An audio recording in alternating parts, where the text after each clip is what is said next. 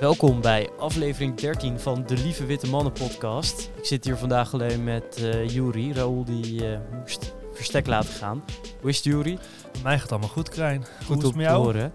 Ja, eh, leuk om weer terug te zijn zou ik zeggen. Ja, ik ben er even tussenuit geweest. Ik ben er heel even tussenuit geweest. Jullie ook overigens. wij ook. van. maar uh, Rauw en ik waren nog even de dragende kracht van deze podcast. En wij hebben even zonder jou de stijgende lijn doorgezet. Ja, ja. Maar eh, voordat we het helemaal gaan s- vol lullen.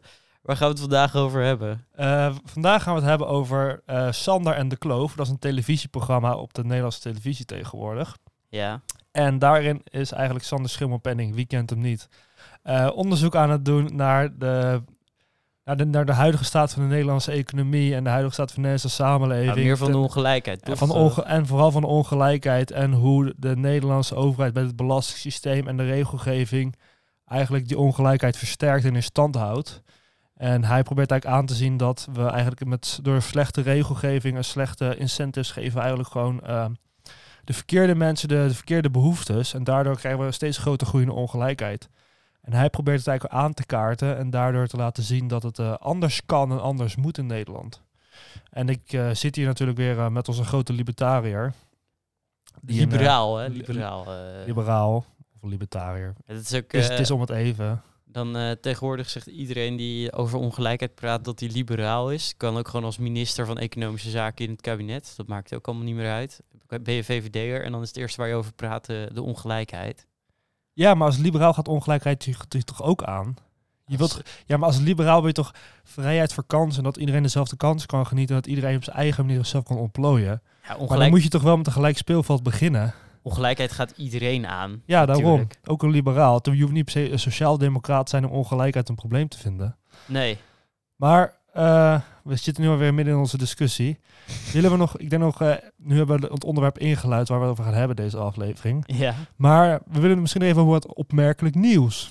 Oh, het opmerkelijk nieuws. Ja, natuurlijk, Juri. Hoe kan ik, eh, hoe kan ik het vergeten?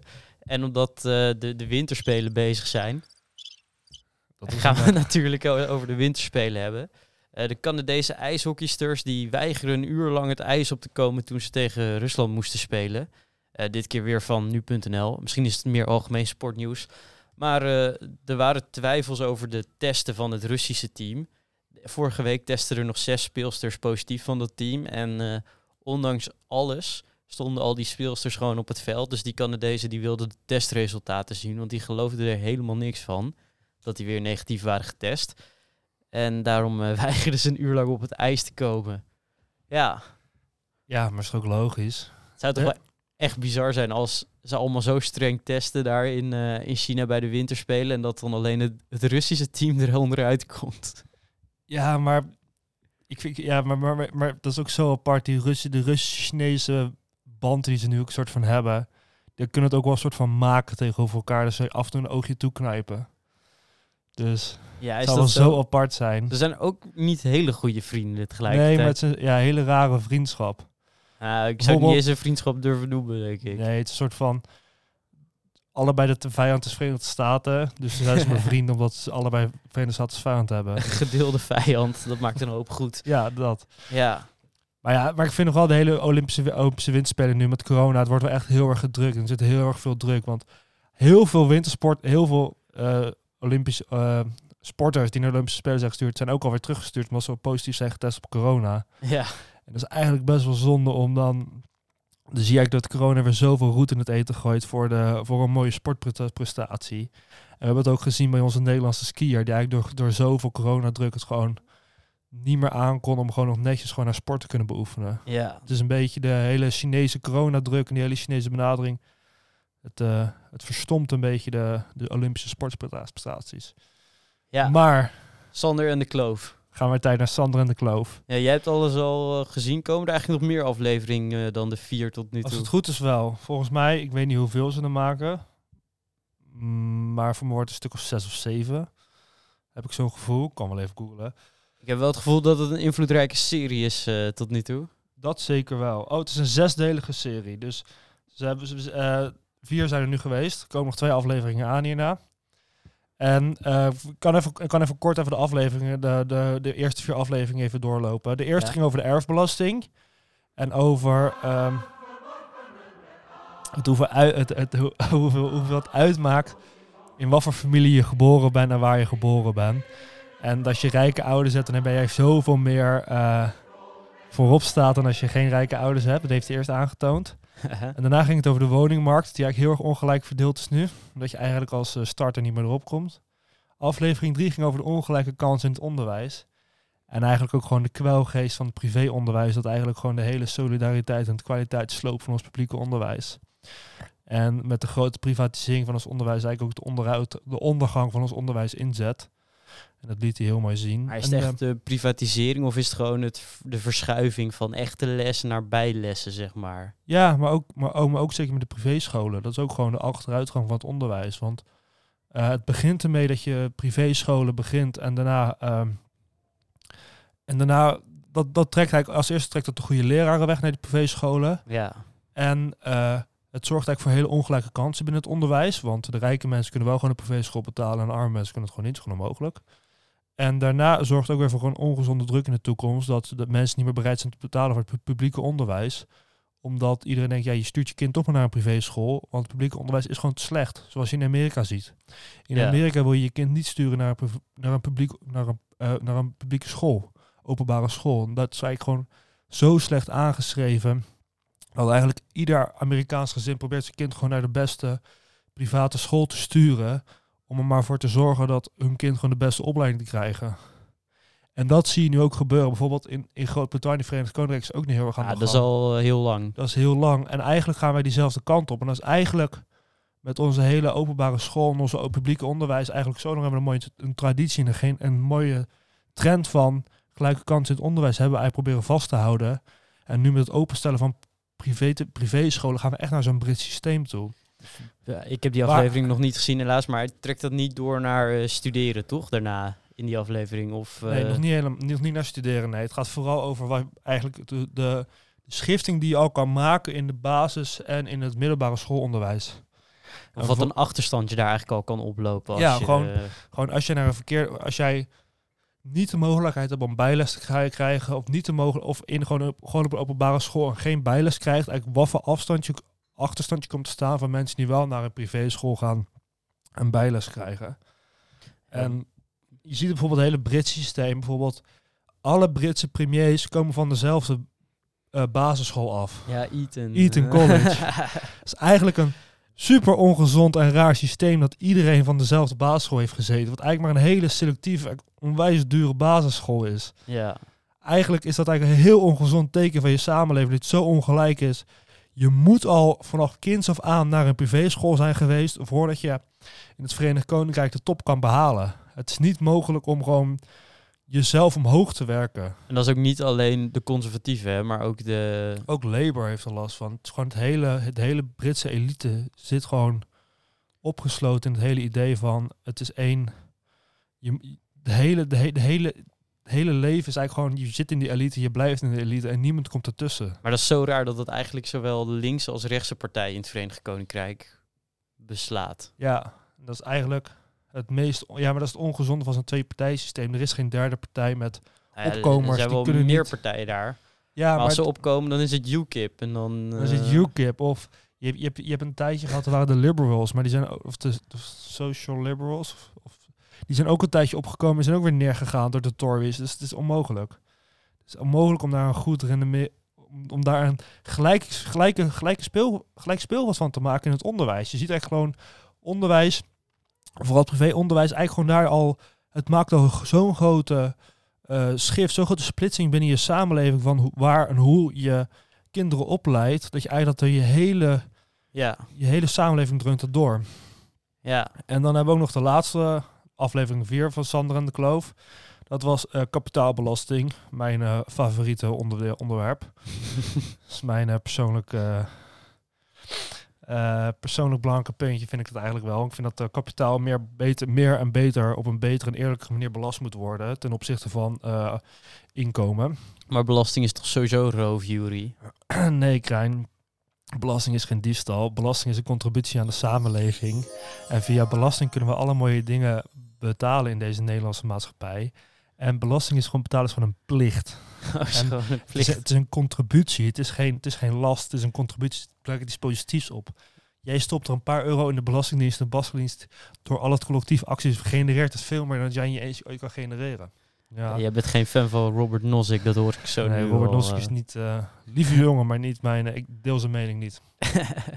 is niet mijn, eh, niet mijn straatje. Er zijn andere economische denkers die ik eh, beter vind in dat eh, verhaal. oh, zoals? Eh ene, ene Karel uit eh, Duitsland. Ik weet niet of je hem kent. Grote vriend van hem, Friedrich, Engels, ook een goede jongen. Jozef Schumpeter, ook goed. Ja, dat gaat misschien weer een beetje ver. Ja, Jozef Schumpeter is gewoon echt een best wel progressief middel in het gebied. Nou ja, Karl Marx is wel een beetje... Karel eh, Marx is, weer een, is, een, mo- is een mooie Je uitsmijter. gaat nu niet zeggen dat je alle productiemiddelen wil nationaliseren, toch? Eh, nee, maar dat is eigenlijk een ander verhaal. Ik zou wel nog een keer... Ah, dat is het uiterste. Dat is het andere uiterste van... eh, Ja, maar wat ik nog wel interessant vind, is dat 51% van alle productiemiddelen in handen zijn van de vakbonden. Dat lijkt me nog wel een keer interessant, maar daar hebben we ook een keer over gehad. over, eh, over het hele Zweedse model. Dat, alles, dat alle bedrijven voor 41% in handen zijn van de, van de vakbonden. Dat de arbeiders zelf mogen beslissen naar, naar de koers van het bedrijf. ja. En hoe het bedrijf ingericht wordt. Eigenlijk een soort sterkere medezeggenschapsraden creëer je er eigenlijk mee. Waarbij arbeiders met een eigen lokale kennis binnen het bedrijf kunnen bepalen waar het bedrijf heen gaat of wat, welke koers ze willen uitzetten. En dat ze misschien een winstuitkering krijgen als het eh, goed gaat met de toko. En stel het gaat goed met de toko, dat je, dat je een grotere winstuitkering, een bonus aan jezelf kan uitkeren als arbeider zijn, dat je lekker voor elkaar gebokst hebt. Ja, dat, eh, dat, zou, dat vind ik ook nog wel interessant nog steeds. Terwijl het is gewoon een interessant idee om erover te filosoferen en over na te denken. Ja, Grote, grote Amerikaanse denkers, eh, Bernie Sanders en Elizabeth Warren, waren ook fan van dat plan. Dat zijn ook wel twee van mijn favorietjes. Van jou denk ik weer niet, maar ja, weet je, ik denk dat het niet... dan gaan we over iets heel anders praten waar we het over hebben. Maar ik denk dat het niet slecht is als mensen toegang hebben tot zorg in hun land. dat is, dat is een goed, ja, dat is een goed idee, hè? Ja, dat is niet echt een ramp als mensen naar de dokter kunnen. ja, het is toch wel fijn als je gewoon even naar de dokter kan als het moet. Ja, dus dit, Amerika is zeker niet de, het droomland in, eh, in alle opzichten. Maar eh, vermogensbelasting, we hebben het in Nederland op dit moment eigenlijk überhaupt niet. Nee, de, de, de rechter heeft, eh, of de Raad van State heeft, eh, of, Nee, heeft de rechter. de rechter, zowel de rechter heeft laatst besloten dat box 3, het eh, vermogensrendementsheffing, onjuist is. Dat dat niet mag, omdat je dat het berekend wordt op een basis van een fictief vermogen. En het is in strijd met het Europees Verdrag van de Rechten van de Mens. Dat is zelfs eh, Ja, wat de rechter maar- uiteindelijk ervan maakt. Maar het probleem uiteindelijk is, is dat je een, eh, het is een vermogensrendementheffing, maar, uit, uit, maar in principe hef je eigenlijk helemaal geen ehm, rendement van je vermogen. Je heft gewoon, het is eigenlijk gewoon een vermogensbelasting. En het is geen eh, vermogensrendementsbelasting. Maar ja, de rechter zei eigenlijk alleen dat voor spaarders dat het oneerlijk was, omdat Ja. ze nooit geen 4% rendement konden halen per jaar. Dus wat je eigenlijk, je moet eigenlijk vooral, je moet, je, deze belasting kun je prima vasthouden, maar dan moet je hem eigenlijk hernoemen. Dan moet je, noem je een vermogensbelasting. Als je dat herschrijft, dat woord, dan, dan, dan heeft de rechter ook gezegd, dan is het weer goed. Want dan ben je gewoon eerlijker in. Als je het herschrijft naar Van een vermogensbelasting. Dus gewoon 1,2% van je belasting wordt gewoon belast. 1,2% Van je vermogen vermogen. wordt belast. Punt. Oh, maar dan moet het wel zo transparant zijn dat we niet rekenen met een fictief Ja, zeg maar, zeg maar dat je die, die, hele, die hele complexiteit eromheen. We gaan uit van een fictief rendement van 40%. Daarvan dat fictieve rendement van 40% halen we 30% van af. We komen op 1,2 uit. Mhm. En met daarmee rekenen we weer dat je dat ongeveer haalt. En dan denk je zo en zo en zo. Als je al die, als je al die complexiteiten uithaalt en je zegt gewoon transparant 1,2% van je vermogen wordt belast. ja, Dan zegt de, zegt de rechter, dit is, allemaal, in, in- dit is allemaal weer in lijn met de, wet, met de wetten die er zijn. Alleen omdat de wet zo foutief en slecht geschreven is eigenlijk. En daardoor eigenlijk Mhm. uitgaat van dat spaarders ook eh, zoveel rendement behalen. Eigenlijk 4% rendement wat eigenlijk al jaren niet meer is. Daardoor is hij eigenlijk zo oneerlijk. En daarom heeft de rechter hem afgeschaft nu of teruggetrokken. ja, en de linkse partijen die pakken ook meteen het momentum op en die denken van, eh, nou jongens, vermogensbelasting, ram Ja. hem er maar in. Maar hier worden we toch allemaal vrolijk van? We Nou, toch? Kijk, dat, als ik dit voorstel goed lees, dan willen ze 1% als je eh, zeg maar boven de ton per persoon zit. Het bedrag daarover en dan tussen de 100.000 en 500.000 betaal je 1%. Vanaf een half miljoen 2% tot 1 miljoen. En tussen de 1 en de 5 miljoen 4% vermogensbelasting. En het eigen huis stelt niet mee. Dus het klinkt eigenlijk nog wel eh, Ja. haalbaar. Ik denk alleen dat als je hiermee begint, dat het daar niet bij blijft. Hoezo? Maar Zo gaat het nooit, Jury. Krijn, hoe lang, hoe lang is het alweer geleden dat wij een linkse premier hebben gehad? Heel lang Heel geleden. Nou, Mark. Rutte vind ik een linkse premier overigens, maar eh, nee, geintje. Zit je, zit je hier nou gewoon met een coronawappie aan tafel die Mark Rutte links begint te vinden? Maar leuk, Ja, Mark maar Rutte Mark is, Rutte zegt toch ook over zichzelf en over Nederland dat Nederland een door en door links land is. maar dat is ook helemaal niet waar. Ja, maar onze rechtse mensen zijn gewoon links, Jury. Dat kunnen we ook wel zeggen. Nee, echt totaal niet. Maar ja, maar dat is dus het hele verschil tussen links en rechts. Onze, de hele VVD zijn patatliberalen. Die alleen maar zitten te snaaien van zichzelf. En het zijn opgeklommen frituurboeren. Die eigenlijk gewoon maar geen reet snappen van het hele liberale denken. Nou, het wordt al langzaam weer beter, Er denk zijn, ik soms. er zijn ik, ik zie ook soms bij de VVD op, op gemeenteniveau, in Rotterdam zijn een paar interessante mensen, in Amsterdam zijn interessante mensen, die hebben wel betere ideeën over hoe een samenleving ingericht worden naar liberale waardes. Maar in de Tweede Kamer zitten van die mafklappers, daar Oh, ik en werd laatst- van huilen. Ook wel echt droevig van Sofie Hermans. Toen ging het over de, dat de koppeling van eh, AOW aan, de, aan het minimumloon, die werd losgelaten. Of eigenlijk ging het minimumloon er eenmalig 7% op vooruit, terwijl Ja. de AOW niet meeging. Mhm. En dat Sophie Hermans daar staat te, te pleiten voor, eh, voor dat iedereen's koopkracht in dezelfde mate moet blijven groeien, zeg maar. Terwijl dat, dat, dat kan niet. Je kan niet herverdelen. Je moet dan in principe herverdelen. En als die groei er niet is, je, je kan gewoon niet zorgen dat elke groep er op dezelfde manier op vooruit gaat. Dat is gewoon economisch gezien onmogelijk. Dat, nee, je kan het niet, je kan het niet uitbalanceren. Dat is echt onmogelijk, ja. En de AOW is ook, kijk, die hoeft, de, de ouderen zijn eigenlijk de rijkste groep op het huidige moment. De babyboom generatie, die zwemt in het geld. Ja, en ook als je kijkt naar het boek van Peter Hein van Mulligen. Armoede onder ouderen was ooit echt een heel groot probleem in Nederland. Maar dat hebben we gewoon echt echt volledig opgelost. Nou, niet ni- volledig, maar praktisch. Oké, ja, het is echt bij, het, amper armoede onder ouderen. Dat is echt onvoorstelbaar trouwens. Ja, dat hebben we echt best wel netjes gedaan. We hebben echt een heel net eh AOW-systeem en pensioenstelsel ingericht. Dat echt armoede onder ouderen volledig is opgelost. En nu zijn ouderen eigenlijk de rijkste, genera de, rijk, de rijkste groep, bevolkingsgroep van Nederland. Ja, terwijl ze niet eens werken. Nee, ze werken niet. Ze voegen niks meer toe. Ze zijn... Ze, ze, ze, ze, ze- waardecreatie doen ze niet meer. Het is jullie gegund hoor, ouderen van Nederland. Maar eh, laat ik nog iets voor ons over. Ja, maar we hebben een vergrijzingsprobleem. Dus ik snap ook volledig wel dat je de AOW niet blijft gaan koppelen aan het minimumloon. Het minimumloon wordt ook eenmalig verhoogd in Nederland. Ja, Dan laat je de AOW er even los. Maar de ouderen hebben het al hartstikke goed. Dus ze hebben het niet. Ze moet, kijk, je ziet veel meer problemen bij eh, jonge mensen die werken, die voor het minimumloon werken. Die hebben vele malen meer financiële problemen dan ouderen die op de AOW zitten. plus hun contracten zijn flexibeler dan ooit. Flexie worden veel meer onzekerheid. En ik vind, kijk, een partij is 50 plus, die kan prima dan zeggen van, ah, we moeten die de ouderen beschermen, want dat is gewoon een doelgroep. Ik weet niet naar wie je nu refereert nu je Ja, over de partij maar, maar, maar dan hebben we het over een groep Lilianne Den Haan, wat ook weer een raar figuur is. Maar Ja, 50 plus bestaat nog, maar Liliane Daan is er met de zetel van. Ja, dus die is er vandoor. En kijk, dat als, als, als zij dat gaat betogen, oké, dan snap ik het. Zij doet het gewoon voor de achterban. Maar je kan niet als een linkse partij zeggen... Oké, als PvdA snap ik het wel, ook zit je achterban. Maar GroenLinks zijn, ja, je achterban zit er gewoon niet. En je ouderen hebben het al hartstikke goed. Dus eigenlijk moet je wel opkomen voor die jongeren. En het minimumloon erheen drukken. En als Sophie Hermans, die ziet het ook gewoon helemaal verkeerd dan. Dat je, En dat is ook gewoon heel erg populistisch gezever. ja, je kan niet iedereen redden. Je Maar kan niet iedereen helpen. En je probeert juist de zwakste, de, de, de slechtste in de samenleving, probeer je juist zoveel mogelijk te helpen als overheid. Maar ik denk dat de gemiddelde VVD-stemmer vooral met zichzelf eh Die zelf stemt. Ja, dat vooral. En die zal niet echt gemiddeld niet jonger dan 30 sowieso niet zijn. Nee, nee. De gemiddelde VVD'er, die heeft hartstikke goed. Die stemt met zijn portemonnee, dat weten we allemaal, denk ik. Ja, de, je ziet het ook. Nu gaan we weer een heel ander laantje Maar eigenlijk. maakt in. niet uit. Je ziet het ook. De, we hebben het laatst gehad over de. Ik, ik heb het laatste keer doorgestuurd over de Atlas van Afgehaakt Nederland. Dat is eigenlijk die op zoek naar mensen die, eh, die eigenlijk niet meer mee kunnen. Soort van de verliezers van de samenleving. Ja. En dat zijn, je ziet ook al die verliezers van de samenleving zijn geen VVD'ers. En je ziet ook waar de winnaars van de samenleving, met alle buurten waar het goed gaat, waar de vaccinatie gaat bijvoorbeeld hoog is, kan je heel goed zien. En eh, waar het inkomen hoog is, zijn eigenlijk allemaal VVD, GroenLinks en D66 buurten.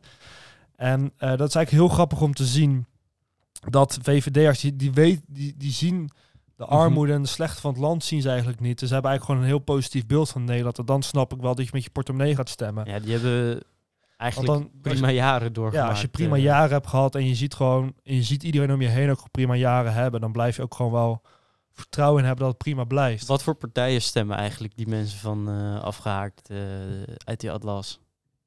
Het waren alle afhaak, alle, eigenlijk alle partijen buiten de traditionele, traditionele partijen is eigenlijk het idee daarvan. Dus de, de SP profiteert er ook niet echt van. Of Nee, ja, maar het is meer de SP, de PVV, Forum voor Democratie, Ja21, Bijeen, Denk, Partij voor de Dieren. ja, Partij Eh, voor de Dieren? Ja, dat is, dat is ook. Partij voor de Dieren is ook geen regeringspartij. Het gaat toch nergens mee regeren. Ja, maar dat is wel... Bij Partij voor de Dieren heb ik een heel ander persoon in mijn hoofd. Als ik denk aan wie erop stemt. Vooral stedelijk, denk ik. Hoogopgeleid. Ik denk voornamelijk vrouw. Dat is een beetje de demografie waar ik aan denk als we het hebben over Partij voor de Dieren stemmers. Oh, kijk, ik heb hier een kaartje. Kijk, de,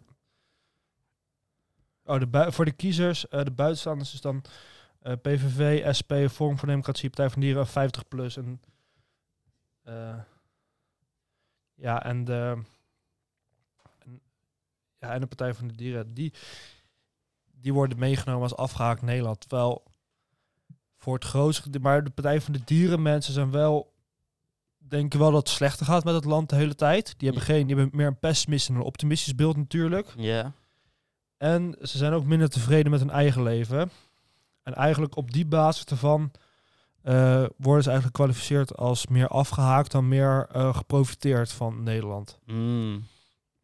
Maar Ja. dit is weer een hele andere discussie waar we nu eigenlijk ingaan over de, over de partij eh achterbananalyse. Ja. Ik denk dat het weer interessant is om terug te gaan naar de kapitaalbelasting. De mooie kapitaalbelasting. In Nederland wordt die eigenlijk amper geheft. En dan gaan we even weer terug naar een van mijn favoriete landen, IJsland. Het hele, het, hele, eh, de hele boodschap die Sander Schimmelpenning mee wil geven in zijn programma is als je kapitaal op een eerlijkere manier belast, dan kan je Mhm. de loonbelasting, de be- belasting op loon, op belasting op arbeid, verlagen. Ja. Dat is het hele idee. En, als je dan, naar- en dan gaan we naar IJsland toe. In IJsland hebben ze een kapitaalbelasting van 22%. Kapi een, een- een capital gain tax. Mhm. Wat je eigenlijk vertaalt als een vermogensrendementbelasting. Dus 22% van het rendement wordt belast. Gaat naar de Belastingdienst. Ja. En op die manier hou je veel meer belasting op via het, eh, via het rendement op vermogen. Ja. En pak je veel meer dat aan. En daardoor kan je eh, de loonbelasting verlagen. De laagste schijf in IJsland is tot 70.000 euro. Is op 37% belast. Tot 70.000 euro. Ja, 70.000 euro per dat jaar. is ook een schijf van heb ik jou daar, zeg. Ja, dat is een flinke schijf. En alles boven de 70.000 euro is op 46% belast. ja. En terwijl als je naar Nederland gaat, ik weet dat de hoogste schijf in Nederland is op 49%. En daaronder is die ook voor mij op 47% eigenlijk. Ik zal eens even kijken.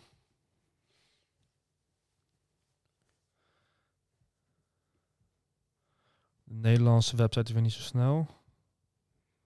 Ja, wat de hek. Ze, gem- de meeste mensen in IJsland betalen inderdaad maar 27% loonbelasting. Ja, dat is het mooie. Dat kan gewoon. Als je maar eh, op een juiste manier eh inkomsten uit kapitaal kan belasten. Want zodra je dat op een nette manier kan doen. Ja. Ja, dat is eigenlijk wel eh, vrij bizar. Hoe, hoe wordt IJsland... Nou ja, IJsland is sowieso een stuk kleiner dan Nederland. Waar verdienen zij als land nou hun geld mee? Want het levensonderhoud is daar wel best wel duur. Ik snap Ehm, dat land niet altijd. Ze verdienen heel veel van hun land. Verdienen ze eigenlijk op eh, toerisme. Verdienen ze heel veel. En ze hebben heel veel, eh, een hele grote, best wel flinke kenniseconomie eigenlijk. Ze hebben een heel hoog opgeleid eh, eh, bevolking. Ik kan Maar, de loonbelasting even niet vinden, de schijven. Ja, maar in Nederland... Ja. Ja, volgens mij begint het ook op 36% en dat gaat door en dat loopt dan op en het loopt dan op en loopt dan op. nee, dat is flauw. valt ook zo wel weer mee. Nou, in Nederland heb je tot 70.000 euro betalen weer 37% Maar in schijf 2, boven de 70.000 euro, is het 49,5 En in Nederland op alle overuren zijn ook nog 60% gaat de belasting over. Dus in, in, als je dat vergelijkt met IJsland, in IJsland betaal je meer belasting over je rendement op kapitaal. Ja. En daar, maar je betaalt daar minder belasting over, in, over uh, inkomsten uit loon. Maar vooral die overuren is echt zo belachelijk. Dus als je een minimumloon verdient ja. en daardoor wat extra moet werken omdat je je rekeningen niet kan betalen, dan echt, word je eigenlijk gewoon dubbel gepakt. Dan word je echt heel hard gepakt met 60%. En dat is eigenlijk een hele rare regel om soort van mensen te om soort bedrijven te niet te stimuleren om mensen over te laten werken en gewoon netjes hun contract te laten werken. Maar voor een werkgever levert dat uiteindelijk geen werknemer levert dat eigenlijk helemaal niks op. Dus je wordt dan gevraagd om extra uren te maken en extra inkomen, maar het betaalt helemaal niet uit en de overheid snoept daar alleen maar wat van af. Je bent echt gek als je dat doet. Ja, maar bijvoorbeeld in de aflevering van, uh, van Sander en de Kloof wel, ging hij ook een uh, vrachtwagenchauffeur uh, interviewen, ging daar een gesprek mee aan. En die moest gewoon af en toe overuren maken om, om alle, kosten te, alle kosten te kunnen dekken. Maar werken die niet vaak als soort ZZP'er of dat ze een eigen truck hebben? Ja, hij, hij werkte wel als ZZP'er. Maar hij moest alsnog wel, overuren waren alsnog wel voor hem extra belast. Zo, zo was nog steeds wel die regeling voor hem. Dus het was voor hem nog steeds als, als hij meer zou werken, als hij harder zou werken, als hij meer zou doen, dan moest hij alsnog uh, meer gaan afdragen aan de belastingdienst. Dan kon hij eigenlijk nooit echt rijk worden. Terwijl uh, als, je, als je kapitaal doet, als je gewoon je geld voor je laat werken, dan word je eigenlijk gewoon ontiegelijk rijk zonder daar enig, enige moeite voor te moeten doen. En daar is het echt het grote probleem. Gewoon, er zijn zoveel mensen die worden eigenlijk gewoon rijk, of die blijven rijk zonder iets ervoor te hoeven doen. En gewoon het geld voor hen laten doen. En terwijl mensen die zich helemaal uit, het, uit de naad werken, die worden daar geen euro rijker op. En dat is eigenlijk de hele ongelijkheid van, van het systeem. Dus werken loont gewoon niet meer. Het, het is gewoon niet meer interessant voor de gemiddelde man, voor de gemiddelde mens om te gaan werken. Nee. Iedereen wordt, iedereen moet fire worden. En jij bent er ook zo eentje van af en toe. Ja, ik vind het wel fijn als, kijk, als iedereen vermogen zou hebben, dan zou dat de perfecte oplossing zijn om ervoor te zorgen dat mensen in de toekomst niet afhankelijk zijn van uren werk om, om rond te komen. Maar dat is gewoon niet hoe het eraan toe gaat op dit moment. Dat is niet en het is een reële... Ook, is ook niet geen, het is ook geen... Zeg maar, Amerika, het, het, het, het mooie fire land. Als jij, als jij daar... Stel, je hebt geen rijke ouders, je bent in een slechte buurt opgegroeid is het onwijs lastig om fire ooit te worden. Het is eigenlijk bijna niet te doen. Als je niet eens de kans hebt. Ja. Want je hebt daar gewoon geen kans om ooit fire te worden. En dan wordt er wel altijd ingeprent. Je hebt wel de kans om fire te worden. Maar de VS heeft wel gewoon een capital gains tax, hè? En die hebben dat wel. Maar in de VS heeft sowieso heel veel problemen. Maar een hele belastingssysteem en hoe dat allemaal georganiseerd is. En de capital gains tax is ook wel... Die hebben ze daar wel, maar ze hebben bijvoorbeeld weer... Andere belastingen hebben ze weer niet. En bijvoorbeeld uh, Washington State heeft bijvoorbeeld ook weer amper belastingen, maar heeft wel twee van de grote miljardairs, Jeff Bezos en uh, Bill Gates, in hun staat zitten, die eigenlijk helemaal amper belasting weer af hoeven te dragen. Daar is capital gain tax bijvoorbeeld wel weer af, daar hoeft het toch niet. Nationaal. Is dat federaal geregeld? Ja, volgens mij is dat federaal geregeld. Maar dan is weer een ander probleem. Maar in uh, Washington State, daar willen ze weer niet aan uh, vermogens, uh, grote vermogens willen ze daar niet toren. En die willen ze graag met rust laten. Maar ze zijn een beetje trots dat zij de, de staat zijn met Jeff Bezos en, en Bill Gates die daar wonen. Er komt ook wel werkgelegenheid daarheen. Hè? Want in, in Washington zit het hoofdkantoor. In Seattle is Washington toch? Ja, Seattle. Ja, daar zit het hoofdkantoor van Amazon. En die zitten bijvoorbeeld niet in Silicon Valley. En ja, dat heeft daar volgens mij vooral mee te maken. En Microsoft zit er denk ik ook. Ja, Microsoft zit er ook. Dus dat levert wel een soort banen op, maar of je dat hm. kost wat kost wil. Maar de eh, capital gains tax is 15% zie ik hier. Dus dat valt ook nog wel mee. Ja. Dat is dan de highest bracket. Dat had hij dus dat is de hoogste schaal. Je hebt ook lage schalen, dus van 5%. Dus het valt mee hoeveel je eruit kan halen. Bijvoorbeeld in, in, in, in Finland, een ander hartstikke mooi land waar ik weer gespot heb. Ja, gewoon 30 in de VS je betaalt weinig, maar je krijgt ook weinig. Ja. Je krijgt, je krijgt gewoon niet zo heel veel ervoor terug. Maar als je in, uh, we hadden het net ook heel even over Denemarken voor de opname. Als je in Denemarken, hoeveel moest je daar nou aan vermogensbelasting betalen? In Denemarken betaal je tot uh, 6000 euro uh, rendement dat je maakt, betaal je 27% over. En alles boven die 6000 euro rendement die je maakt, betaal je 42%. Dus jij, zei, jij gaf van het argument, je kan eigenlijk nooit fire worden in Denemarken vanwege de compound interest. Ja, omdat je, je compound gewoon een stuk minder. Hoeveel procent was het, zei je? Uh, de, de, hoogste? 42 procent. 42 procent. Dus, dus, als je, dus, dus als je een rendement maakt, uh, bijvoorbeeld je hebt... Ja, 8 procent gemiddeld zeggen ze heel vaak over aandelen, dat dat heel mooi is als je dat, dat weet te behalen. En dat kan je vaak wel gemiddeld behalen door gewoon de... Ja, en als je daar dan 42 te kopen. En als je daar dan 42 procent van afhaalt, dan, uh, dan kom je op 4,64 procent. Dan uh, ga ik dat heel even volrekenen voor je. Als je dus, uh, stel je, je begint met 10.000 euro en je belegt 30 jaar lang 200 euro per maand, 8% rendement, dan heb je een som van 407.000 euro ongeveer na 30 jaar. Uh -huh. Dat is dus wat je dan ongeveer bij elkaar spaart. En dan heb je 325.000 euro aan, aan aan uh, rente op rente, zeg maar, verdient. Mhm. En als je het moet doen met 4,64% in plaats van 8% en dan verder dezelfde getallen, dus je begint met 10.000, je doet 30 jaar en 200 euro per maand, dan eindig je met 195.000 euro. Ja, je eindigt met een stuk minder, dus de kans, dus de kans dat je fire kan worden in Denemarken is een stuk kleiner, maar we hadden hier hadden we het ook over in Denemarken hoef, je eigenlijk helemaal niet heel fire te worden. Want eigenlijk is alles daar voor je geregeld. Omdat je, omdat je zoveel aan de belasting, zoveel aan de overheid afdraagt, kan de overheid ook heel veel voor je regelen. Dus als jij geen huis hebt, dan kan jij in de sociale huurwoning kan je krijgen in Denemarken. Je hoeft bijvoorbeeld ook niet te betalen voor je eigen onderwijs. Dus je hoeft ook, ook niet te sparen om je eigen onderwijs te kunnen betalen, want dat wordt geregeld vanuit de overheid. Je bent ook verzekerd van een... Ehm, van inkomen als je werkeloos bent. Dus je moet ook niet sparen voor je werkeloosheid. Als je met pensioen gaat, is er ook een, pensioenstelsel voor je ingesteld. Dat je, niet, uh, dat je niet in armoede hoeft te zitten als je met pensioen gaat. Dus je hoeft mhm. eigenlijk helemaal niet fire te worden in Denemarken om, uh, om een goed leven daar te hebben. Dus het hele idee van je moet fire zijn is daar helemaal over, is daar eigenlijk overbodig.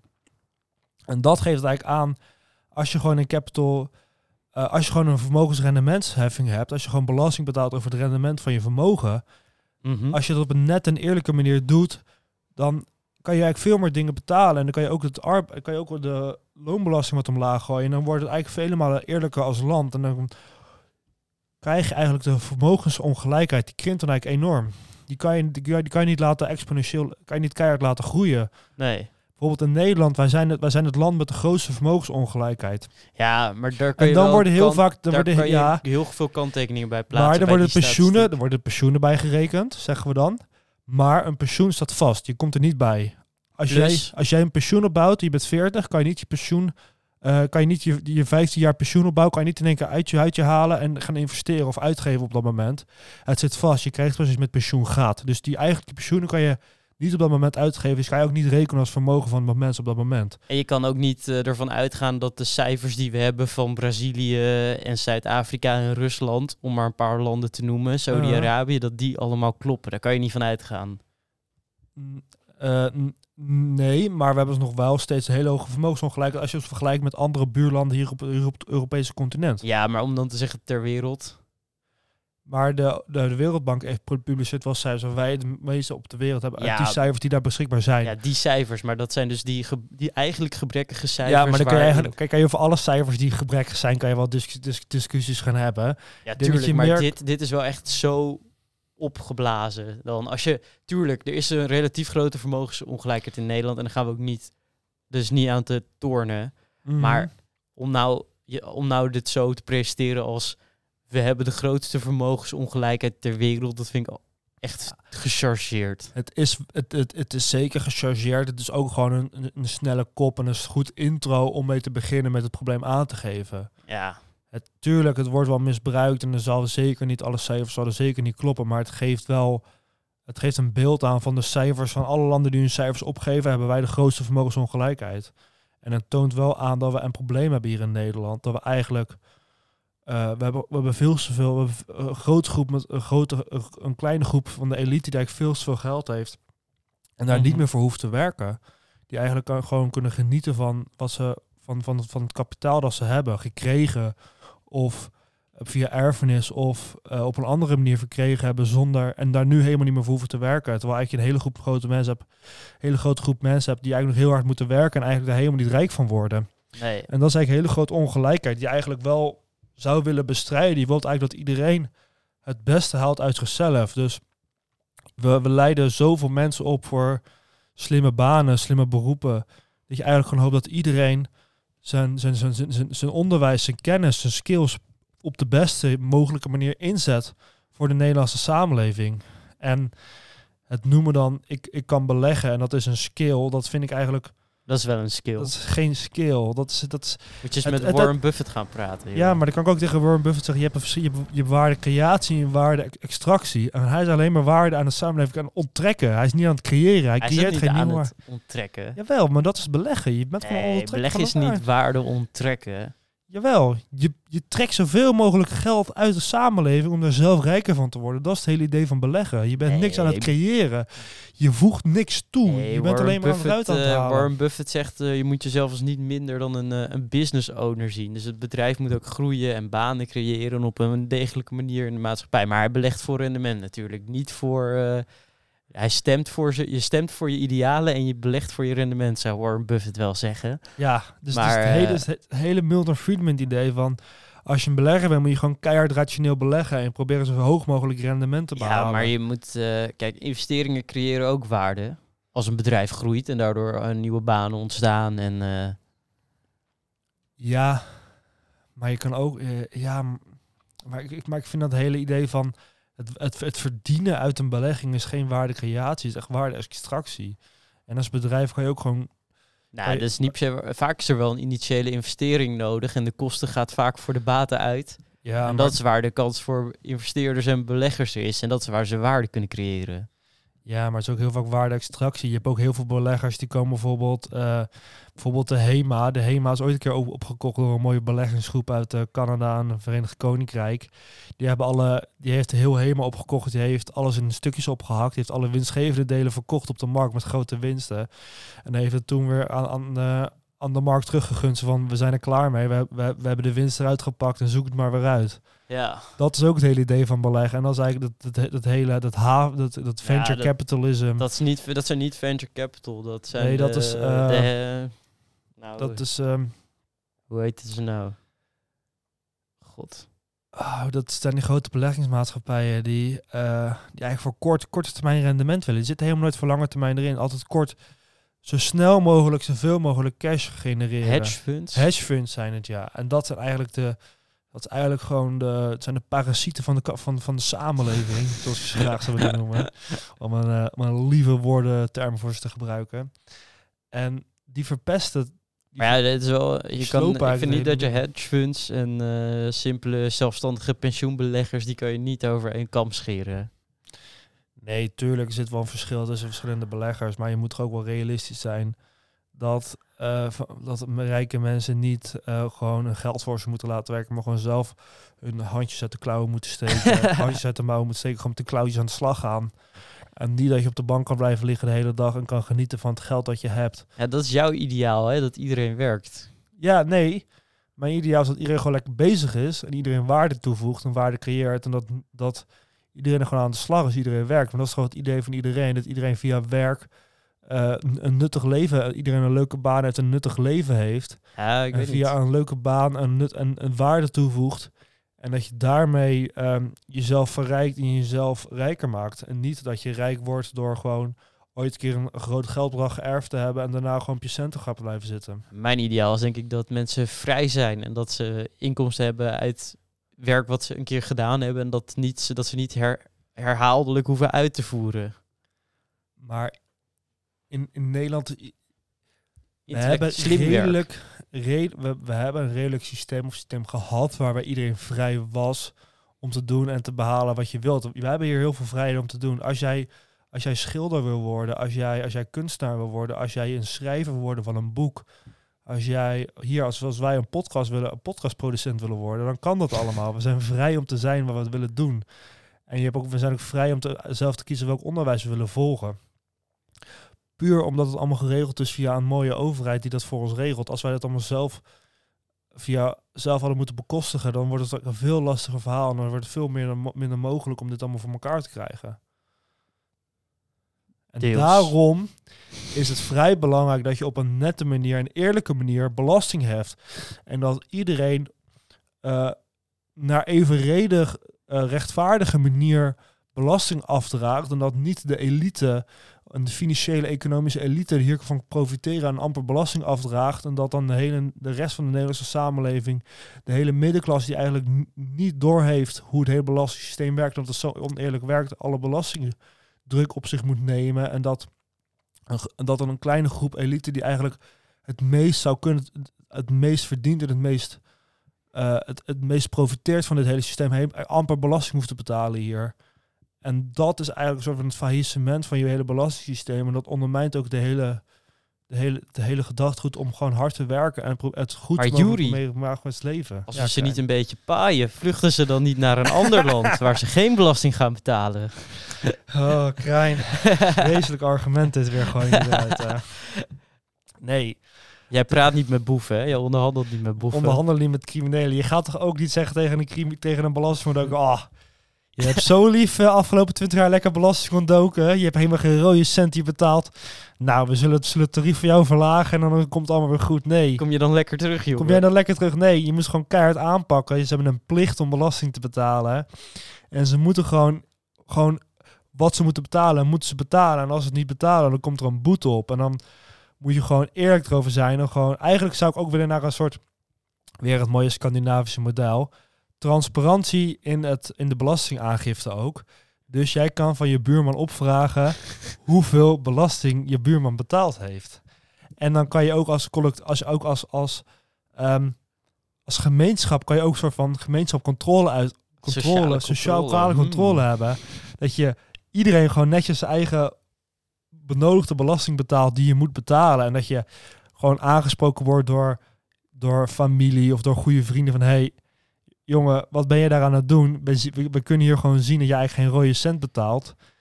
Doe eens even, doe eens even normaal en ga gewoon ook gewoon netjes betalen zoals dat dient te horen in een goed werkende samenleving. Jort Kelder is hier ook fan van, hè? Ja. Die was zo rebels dat hij de hele tijd ging hij elke keer als belastingaangifte zo Ik vind het oprecht best wel mooi van Jort Kel dat hij ook gewoon eerlijk over is. En dat gewoon transparant van dit heb ik verdiend, dit heb ik betaald. Dit, dit zijn de regelingen waar ik geprofiteerd van heb. En deze regelingen zijn eigenlijk heel foutief. Die moeten eigenlijk afgeschaft worden met een hele rare idee zoals bedacht. En ik zou eigenlijk meer willen dat voor iedereen inzichtelijk is van hoeveel je verdiend hebt en hoeveel je hebt uitgegeven hebt. En dat het voor iedereen duidelijk is dat niemand echt meer kan sjoemelen en niemand meer erachter kan komen van jij hebt eigenlijk ge- echt amper belasting betaald. Terwijl je wel gewoon twee hele grote dure auto's voor je deur staan. er gaat hier iets fout. Er zit hier een verkeerd moraal. En- Of, je doet iets wat sowieso niet legaal is. Of je dus sowieso iets wat verkeerd is. En daarom kan je het van hé. Hey, dan kan je als buurman gaan aanspreken van hé, hey, waar is dit fout gegaan? Of dan heb je hele sociale controle. En dan voel je ook meer drugs van waarom ben ik nou zo fout bezig? Waarom zit ik nou hiervan gewoon vies te profiteren? Terwijl de rest van iedereen om me heen wel netjes contribu contributie betaalt aan de Ah, samenleving. zo gek is het misschien ook nog weer niet. Want Zweden is zo'n land wat absurd veel miljonairs heeft per, eh, per aantal inwoners. En die Uh-huh. hebben ook een beetje zo'n zo'n stelsel. Maar die betalen geen, eh, geen erfbelasting, volgens mij. Nee, in Zweden is het. eh, eigenlijk is het de derde weg is in Zweden ook heel erg aangeslagen daar. Dus het hele idee van eh, de markt is heilig en daar mogen we niet meer aan tornen. In eh, Zweden is het nu ook met de golf die je ook in Nederland hebt, zijn ook allemaal vermogensbelasting, is ook erfbelasting afgeschaft. Dat is eigenlijk ook wel een beetje de achteruitgang van eh, solidariteit. En daardoor moet je eigenlijk moet het ook weer teruggedraaid worden. En ik weet nog niet of dat op lange termijn echt houdbaar is dat je een kleine groep miljardairs allemaal gaat creëren. Het is niet een kleine groep. Het is best wel een grote groep in Zweden. Ook, ze hebben naar verhouding van de bevolking zo ongeveer de meeste miljonairs ter wereld.